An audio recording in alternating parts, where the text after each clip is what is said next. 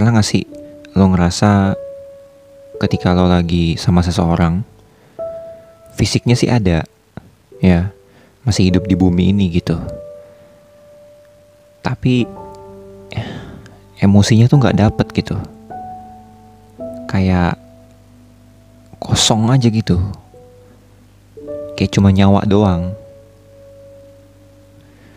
Lo mau sedih, nggak bisa sedih bareng dia. Lo mau seneng, nggak bisa seneng bareng dia. Lo pengen mencurahkan isi hati lo jadi diri lo sendiri di depan dia, nggak bisa.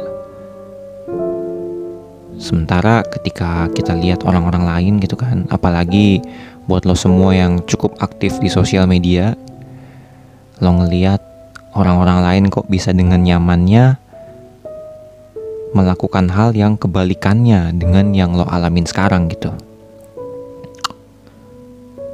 Gue lagi nggak ngomongin soal cowok cewek di sini ya. Balik lagi karena ini seriesnya masih tentang um, broken home, broken family, and toxic parents. Yang gue omongin soal orang tua lo masih ada, masih lengkap, masih nggak cerai, belum ada yang meninggal dan lain sebagainya, pokoknya masih utuh lah gitu. Doesn't matter lo keluarganya berkecukupan lah, kurang atau mungkin kaya banget.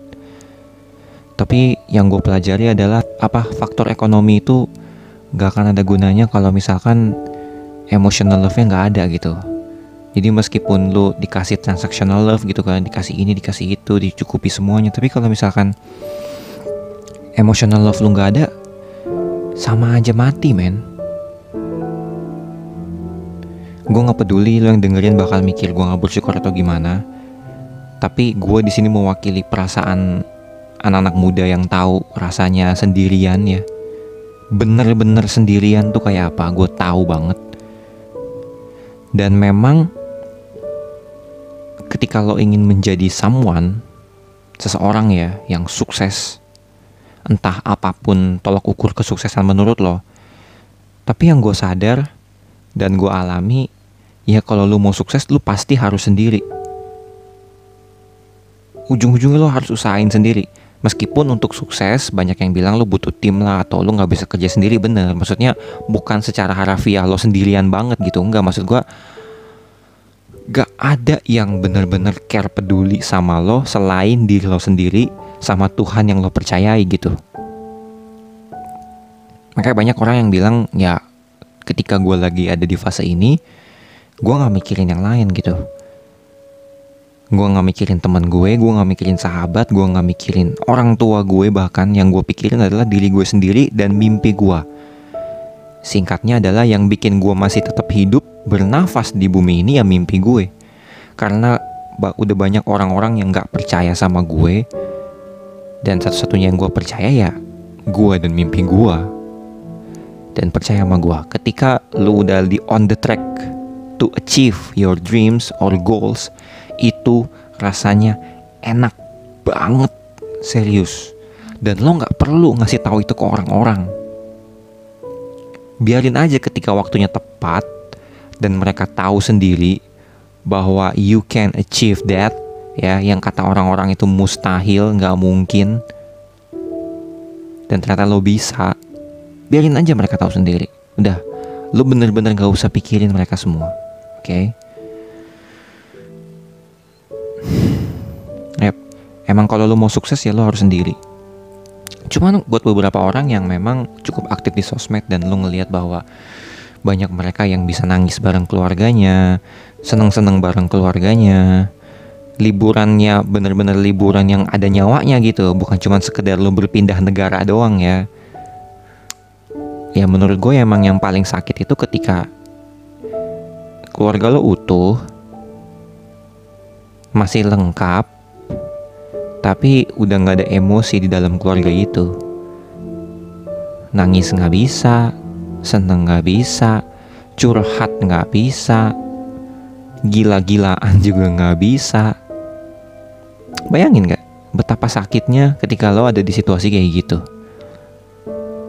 Dan nyebelinnya lagi adalah ketika lo jadi pribadi yang naif ya lo di lingkungan luar lo ya lo ketemu teman-teman yang dulu lo pikir mereka bisa jadi sebuah keluarga kedua lah ibaratnya gitu atau mungkin sahabat lah ya buat yang punya sahabat seseorang. Atau mungkin pacar ya. Seseorang yang bisa mengerti lo tapi justru mereka juga yang ngasih tahu lo bahwa rasa sakit itu apa lo gitu. Rasa sakit yang baru. Yang diberikan di luar dari lingkungan keluarga. Itu kayak gini loh wow. Luar biasa. Nah di sini gue cuma mau ngasih tahu ke lo bahwa gue nggak pengen lo selamanya bermental korban ya. Gue tahu sakit banget. Gue tahu sakit banget dan please take your time. Bener-bener take your time. Take your time. Lu kalau mau nangis sendiri nangis silahkan lo kalau mau mengeluapkan emosi lo silahkan tapi please jangan self harm oke? Okay?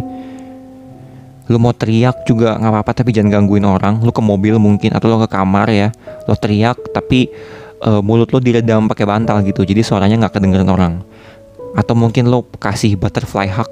Tahu butterfly hug? Jadi ketika lo menut um, apa tangan lo dua-duanya tuh menutupi dada lu sampai bahu terus lo tepok-tepok bahu lu terus lo tarik napas lakuin itu. Atur pernafasan. Mungkin kalau lo lebih enjoy dengan musik klasik mungkin. Itu cukup membantu lu juga bisa berdoa sama Tuhan yang lo percayai apa pun agama lo pokoknya lakuin semua yang bisa lo lakuin untuk menyelamatkan diri lo dari uh, mental yang kena ini gitu ya, kena damage ini. Kayak anak zaman sekarang bilangnya kena damage. dan gue yakin ketika kita lagi di fase itu kita udah gak akan berharap lagi sama apa pun dan siapa pun gitu.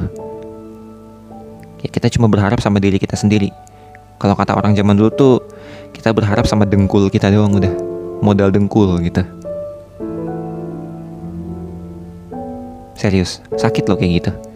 Ketika lo punya keluarga lengkap, utuh tapi ya itu nggak berfungsi dengan maksimal gitu lo dijudge tagline home sweet home tuh bener-bener nggak berlaku buat mereka-mereka yang ada di toxic family atau korban dari apa broken home gitu tapi gue yakin lo bisa ngelewatin ini sih kalau lo bingung lo baru di podcast ini Life Max Podcast barengan sama gue Eduardo Adam. Lo bisa denger episode-episode yang sebelumnya atau lo scroll lagi ke bawah ada episode soal inner child. Ada 4 atau 5 episode di situ gue share soal bagaimana gue bisa menyembuhkan luka masa lalu gue ya dengan gue mencoba mengobrol sama inner child gue. Ada caranya. Itu semua demi kebaikan dan kesehatan mental kita sendiri. Oke, jadi fokus sama mental kita sendiri, cintai diri kita sendiri, karena nggak akan ada orang yang mengerti dan mencintai diri kita selain diri kita sendiri. Oke, itu aja dulu untuk episode kali ini ya. Gue harap ketika kita ketemu lagi, lo udah jadi jauh lebih baik lagi. Oke? Good luck and see you bye bye.